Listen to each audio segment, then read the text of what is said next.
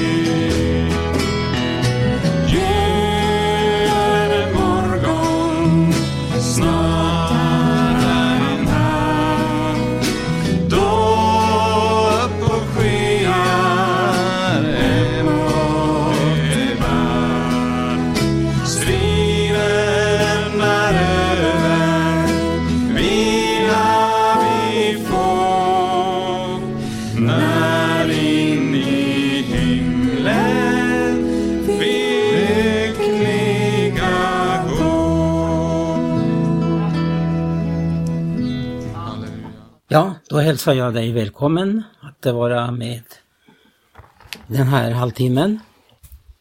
Jag heter ju Tage Johansson och eh, jag ska fortsätta och eh, dels eh, upprepa en del ting som jag var inne på här förra tisdagen. Och som jag nämnde då så vill jag ta upp igen då vi upplever att detta med Jesu tillkommelse är ett så oerhört aktuellt för oss. Vi som lever den här tiden då Jesus ska komma tillbaka.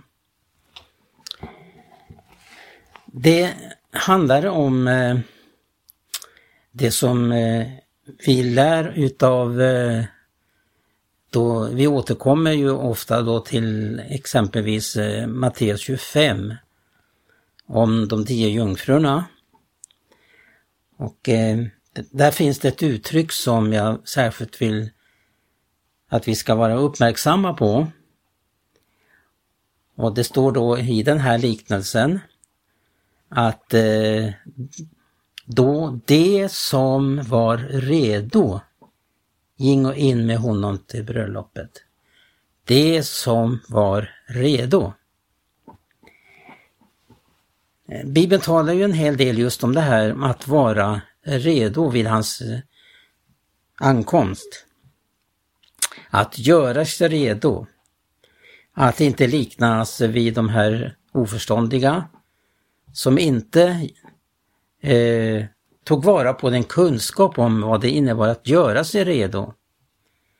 Det kanske fanns flera skäl till att man inte gjorde det. det kunde vara bekvämlighet, det kunde också vara att man helt enkelt eh, var försumlig. För här fråga, eh, det handlar om ju en eh, uppmaning att eh, vaka och bedja, att eh, vara med i en förberedelse. Och jag citerade från eh, några sånger som eh, har inspirerats av den heliga Ande och som också eh, noggrant talar om hur det är att vara med i förberedelsen. Det är väldigt viktigt att eh, då det handlar om hans tillkommelse som sker då eh, ingen vet det. Inte ens sonen vet när den stunden är inne, när han ska hämta sin brud. Men han får befallning av sin fader att eh, nu är tiden inne att gå ner för att hämta bruden. Men just då här då, när det sker, så handlar det om att då de som är redo går in med honom till bröllopet. Vad är det att vara redo och hur, gör, hur är man med i förberedelsen? Vi kan hitta många bibelställen i, i, som handlar om det här med förberedelsen och att vara redo. Jag kan hämta till exempel ett eh, bibelord ifrån första Thessalonikerbrevet, det femte kapitlet. Och jag läser från 1917. Och i det kapitlet så kan vi läsa i den 23 versen så här. Men fridens Gud själv helge eder till hela eder varelse så att hela eder ande och själ och kropp finnes bevarade ostraffliga vid vår Herres Jesu Kristi tillkommelse. Och så kommer ett löfte i nästa vers, alltså vers 24. Trofast är han som kallat eder, han ska dock utföra sitt verk. Ja, vi skall alltså befinnas bevarade ostraffliga vid vår Herre Jesu Kristi tillkommelse. Då får vi inte förväxla med detta för en troende människa här i tiden eh, når ju inte upp till, eller, till en fullkomlighet. Utan det här är frågan om att, som det också står, att man bevarar sin klädnad ren och vit. Vi har fått en rättfärdighetsklädnad av Jesus Kristus, den rättfärdighet som han vunnit åt oss. Men det, det är frågan om att eh, den klädnad vi har fått ska bevaras ren. Och då är det ju så att eh, det finns, ära vare Gud, ett reningsmedel som gör att vi behåller vår klädnad ren och vit. Ja, står det inte så här i en sång? Jag ska citera en gammal sång. Som eh, talar om det här. När eh, överlängsröst ska ljuda Guds basun. Och brudgummen kommer. Och det står då i kören må vi vara, må vi redo vara att möta honom då. Sen står det så här i andra versen. Skynda dig och skaka dammet av dig, Sions dotter Jesu Kristi brud. Att din bröllopsgrud må fläckfri vara när du möter konungen i skyn. Att din bröllopsgrud må fläckfri vara. Ja, det finns ju ett ord också i eh, Predikaren kapitel 9 och vers 8. Låt dina kläder alltid vara vita och låt aldrig olja fattas på ditt huvud. Det finns eh, ett antal ting som, har, som eh, finns med i Bibeln om just vår förberedelse. Och i samband också med det här Matteus 25 så finns det några ting där som, som tydligt framkommer vad det är att uppleva den här förberedelsen. Att, att vara förberedd, att vara redo. Och där handlar det naturligtvis först och främst om att de oförståndiga upplevde att eh, oljan tog slut. Och här kan vi också se i den här liknelsen att eh, i samband med att Jesus kommer tillbaka så är tiden mycket svår. Eh, det förstår vi genom att eh, han kom vid midnattstid. Han kommer då det är eh, särskilt svårt att hålla sig vaken. Men det som var helt avgörande för de oförståndiga var ju detta att oljan tog slut. Det här med oljan, det är ju en bild då på den heliga Ande. Och därför är det så viktigt att vi upplever den heliga Ande på sådant sätt att, eh, som det står i eh, Romarbrevet 12, det här kända eh, sammanhanget där det står om eh, hur vi ska frambära vår kropp åt Gud som ett levande välbehagligt offer för vår andliga tempeltjänst. Och i det sammanhanget så står det om just detta med andens liv. Att leva i andens förnyande liv.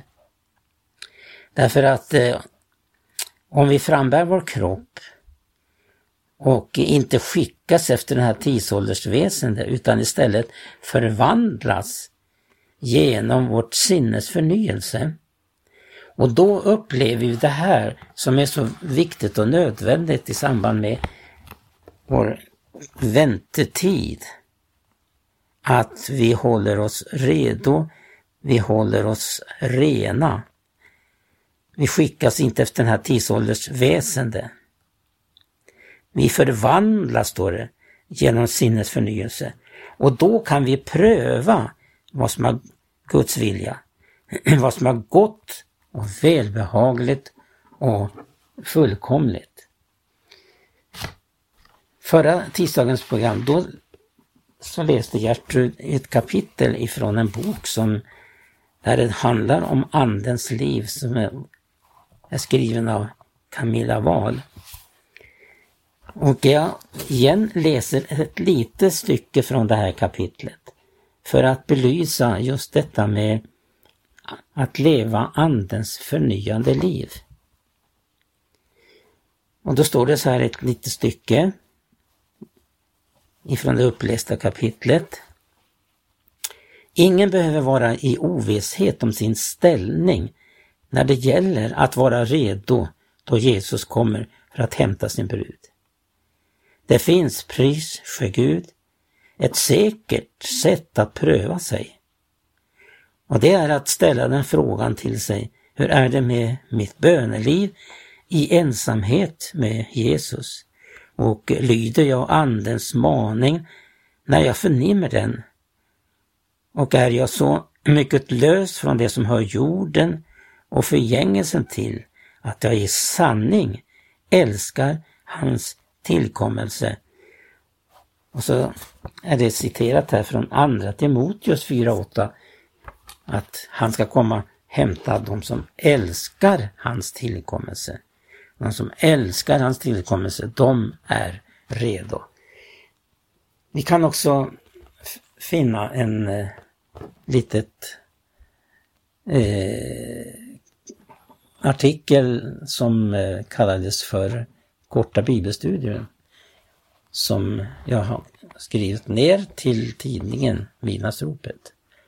Jag ska be Gertrud läsa den för det handlar om just dess, detta som väsentligaste med att då det talas om de här tio jungfrurna, att då Jesus säger till de oförståndiga, jag känner eder inte.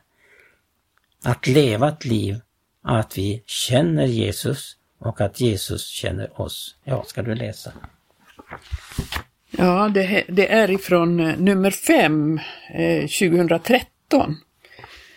Och studiet heter Känna Jesus då. Det lyder så här. Jag känner eder icke. Dessa ord är hämtade från liknelsen i Matteus 25. Det står fem jungfrur i midnattstiden och klappar på en stängd dörr. Det är dörren till bröllopet och de ropar Herre, Herre, öppna för oss. Men brudgummens svar är jag känner er icke. Den avgörande frågan är alltså vad är det att känna Jesus? I flera bibelsammanhang återkommer detta ord känna. I Hoseas bok är detta ord en av huvudsanningarna i profetens budskap till Herrens folk. Det står i Hosea 6 och 3. Så låt oss lära känna Herren, ja låt oss fara efter att lära känna honom. Gud vill upprätta ett kärlekens trolovningsförhållande. Ja, i trofasthet skall jag trolova mig med dig och du skall så lära känna Herren, står det i Hosea 2.20. Paulus skriver i Filipperbrevet 3 och 10. Jag vill lära känna honom. Det betyder inte att han inte kände Jesus, men hans upplevelse var så stark att han ville ständigt lära känna honom ännu mer. Detta att lära känna Jesus satte en stark prägel på hans liv. Men allt det som var en vinning, det har jag för Kristi skull räknat så som en förlust, ty det är för hans skull som jag har gått förlustig allt sammans och nu räknar det så som eh, avskräde. Det står det i Filipperbrevet 3, 7-8. I Matteus 7 och 23 och Matteus 25 och 12 kan vi se att de som inte hade lärt känna Jesus blev avvisade. Gå bort ifrån mig, och jag känner eder icke. Vad är det då att känna Jesus? Att vara redo att gå in i bröllopssalen handlar inte om att en gång ha lärt känna Jesus, det avgörande är om du och jag äger en levande förbindelse, livsförbindelse med Jesus när han kommer i uppryckandets stund. Jesus sa, vaka och bed så att inte den dagen kommer på er oförtänkt. Det finns sådant som är nödvändigt att leva kontinuerligt i för att Jesus ska känna oss och vi honom. De jungfrur som inte kom in i bröllopssalen hade underlåtit att göra det som var nödvändigt att göra. Därför kallas de oförståndiga. Gud har givit oss möjlighet att kunna ha en levande gemenskap med Jesus. Han kan också vara och te sig levande i umgänget med oss. Det finns fyra ting som Gud har givit. För det första handlar det om vilken relation vi har till Anden vi behöver Anden som ett livsflöde av Jesu liv in i våra liv. För det andra är Jesus tillgänglig genom det levande ordet, Att flitigt umgås med ordet är att flitigt umgås med Jesus. Att känna de heliga skrifterna är att känna Jesus i Andra Timotebrevet 3 och 15. För det tredje är bönen ett sätt att umgås med och lära känna Jesus. Att bedja oavlåtligen, första Thessalonikerbrevet 5.17, är att leva i ett livsumgänge med Jesus. För det fjärde lär vi känna Jesus genom vårt förvaltarskap. Att göra Guds vilja med våra liv, det är att göra någonting tillsammans med Jesus, vår uppdragsgivare. Vi kan också förklara dessa fyra ting så här att genom Anden förnyas vi i vår första kärlek till Jesus. Genom ordet får det nya livet näring. Kristus är ju livets bröd. Livet levs genom vart ord som utgår från Guds mun. Att bedja är att upprätthålla livsförbindelsen med Jesus. I uppdraget fördjupas umgänget med Jesus. Gån för den skull ut, säger han.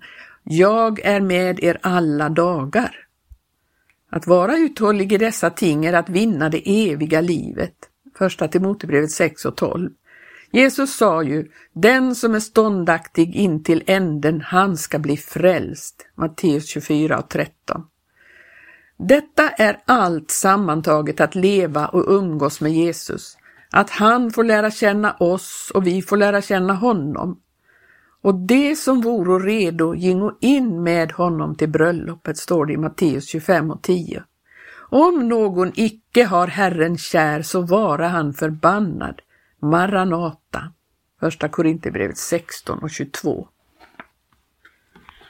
Som jag sa så finns det då vissa ting som eh, vi blir uppmärksammade på när vi läser Guds ord. Eh, jag kan lämna några ord direkt ifrån Jesus som står i Markus 13. Och det står där från 31 versen. Himmel och jord ska förgås, men mina ord ska inte förgås. Men om den dagen och den stunden vet ingen något. Inte ens änglarna i himlen, ingen utom sonen, ingen utom fadern. Tagen är det till vara och vaken, ty vi veten, in icke när tiden är inne. Såsom när en man reser utrikes och lämnade sitt hus och giver sina tjänare makt och myndighet däröver, åt var och en efter hans särskilda syssla, och därvid och bjuder portvaktaren att vaka. Likaså bjuder jag eder vaken, ty veten inte när eder husets herre kommer. Om han kommer om aftonen eller vid midnattstiden eller vid han, hanegället eller på morgonen. Vaken så att han inte finner eder sovande när han oförtänkt kommer. Men vad jag säger till eder, det säger jag till alla vaken. Det här ordet vaka, det är eh, helt avgörande för oss därför att under vår vandring och i vår förberedelse för hans ankomst så eh, möter vi ting som kan eh, göra att vårt andliga liv avtar faktiskt. Det står ju att, till exempel att eh, eh, vi ska inte utsläcka anden, skriver Paulus till Thessalonikerna. Vi ska inte utsläcka anden, eller som det finns också någon översättning som lyder så här, vi ska inte kväva anden eller underkuva anden. Det är så oerhört viktigt just detta att eh, det finns en vaksamhet, man vakar och beder för att man inte ska eh, dras bort ifrån det centrala i vår väntande. Att vi inte låter oss snärjas utav ting. Det finns så oerhört många ting som kan hållas tillbaka när han kommer.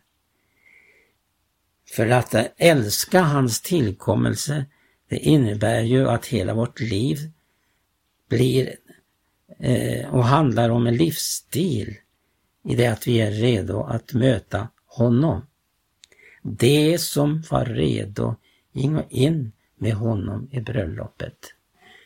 Det är så viktigt att eh, vi förstår och tar vara på Jesu uppmaning. Ja, vi kan ju hitta ord till exempel som eh,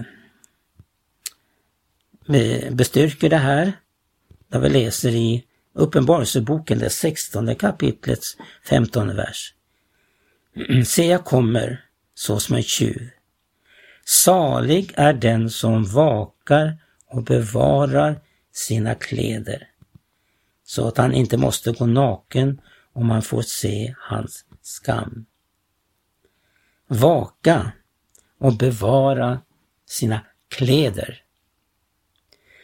Vi upplever ju att väntetiden är påfrestande. Och eh, det som kan verkligen hjälpa oss, det är ju just naturligtvis Andens liv. Och jag tänker på till exempel hur vi tillsammans kan hjälpa varandra i vårt förberedande. Jag tänker på till exempel ett ord i Hesekiel om den dubbla strömmen som går fram och hur man upplever den, att genom den levande strömmen så eh, är man eh, och eh, eh det handlar om att man är i en, en eh, man lever i stim. Att leva i stim, det är ju naturligtvis så att det heligas gemenskap är så avgörande i det här när vi väntar Jesus.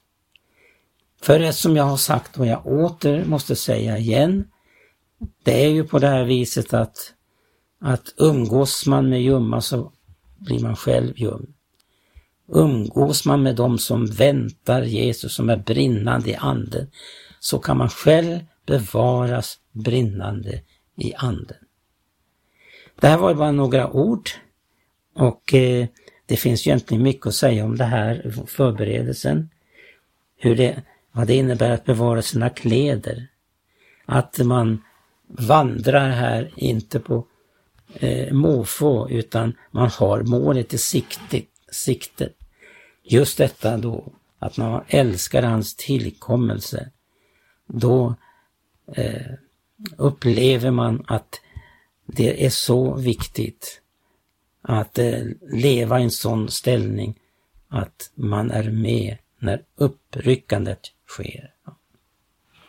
Lever